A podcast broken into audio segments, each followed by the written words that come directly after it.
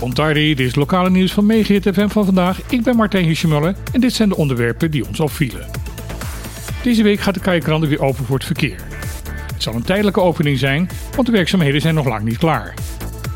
Volgens de OLB hebben de werkzaamheden aan de hoofdstraat van Kralendijk ernstige vertraging ondervonden door de overvloedige regenval van de laatste maanden. Het begin van de Kijkrande is wel opgeknapt en de ondergrond voorzien van een goede afwatering. Dit gedeelte zou bij hevige regenval niet meer mogen onderlopen. Ook de rest van de ondergrondse infrastructuur, zoals leidingen voor elektriciteit en telecommunicatie, is geheel vernieuwd. Momenteel wordt nog de laatste hand gelegd aan de aankleding van het nieuwe gedeelte. Dit nieuwe jaar zal de Kaikrande opnieuw worden afgesloten voor het verkeer, zodat de werkzaamheden weer kunnen verder gaan. Het faillissement dat door het gerecht van Bonaire was uitgesproken tegen bedrijf Alphaville is gisteren in hoge beroep weer teruggedraaid. Eind vorig jaar kocht dit bedrijf een grote hoeveelheid olie van de curator van het failliete olieopslagbedrijf Bopec. De afspraak was dat de olie pas geleverd zou worden wanneer Alphaville de rekening van de curator zou hebben betaald. Deze betaling gebeurde echter niet, maar het bedrijf verkocht de partij olie onderhands al wel aan een ander bedrijf.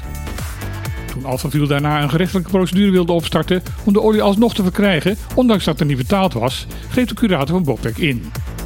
Hij vroeg het gerecht in Bonaire om Alphaville failliet te verklaren.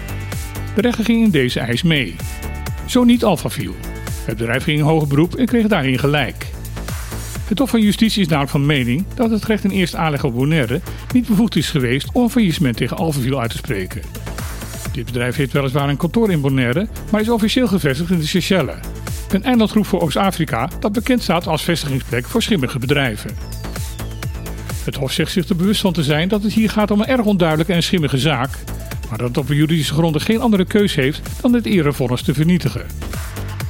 De curator van Bopec, Stan van Lieren, is daarbij veroordeeld om de proceskosten van 24.000 dollar te betalen.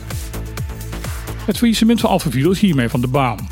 Hoe het verhaal nu verder gaat is nog niet bekend, maar het is al wel zeker dat hier nog een vervolg op zal gaan komen. Al geruime tijd wordt door veel mensen de vraag gesteld wanneer op Bonaire een grootschalig zonnepark gebouwd gaat worden. Die vraag kan nu eindelijk beantwoord worden, namelijk de bouw van een dergelijk park is kort geleden begonnen. Het wordt gelijk grondig aangepakt en moet het grootste zonnepark binnen Caribisch Nederland worden. Naast de energiecentrale van energieproducent Koude Global Bonaire is er begonnen met de bouw van een park met zonnepanelen die 5,5 hectare groot moet gaan worden. Er zullen 10.816 panelen geplaatst worden die gezamenlijk 10 megawatt aan vermogen moet gaan leveren. Hiermee kunnen dagelijks 5000 huishoudens van stroom worden voorzien. Het terrein wordt momenteel bouwrijp gemaakt en in april komend jaar zullen de eerste panelen geplaatst gaan worden. Het project zou tegen het eind van de zomer in gebruik gesteld moeten kunnen worden. Bij de bouw van deze duurzame energievoorziening zal de helft van de arbeidskrachten van het eiland zelf komen.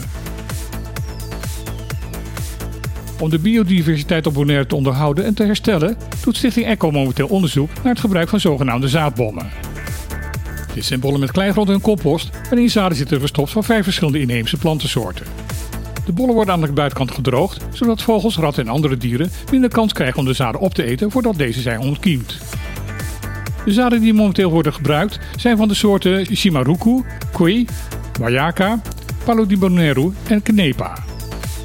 Samen met jongeren van de Stichting Jong Bonaire worden de bommen verspreid over vier verschillende locaties. Onder leiding van eco-stagiaire Robin worden de bommen onder verschillende omstandigheden in de natuur achtergelaten om te kijken waar en op welke manier het zaad in de bommen het best gaan ontkiemen. De medewerkers van ECHO zullen ook in de toekomst de ontwikkeling blijven monitoren. Op deze manier hoopt de stichting een methode te kunnen ontwikkelen waarbij het natuurstel sneller tot stand gebracht kan worden. Dit was weer het lokale nieuws van vandaag op Megahit FM. Ik wens iedereen nog een hele mooie dag toe en dan graag weer tot morgen.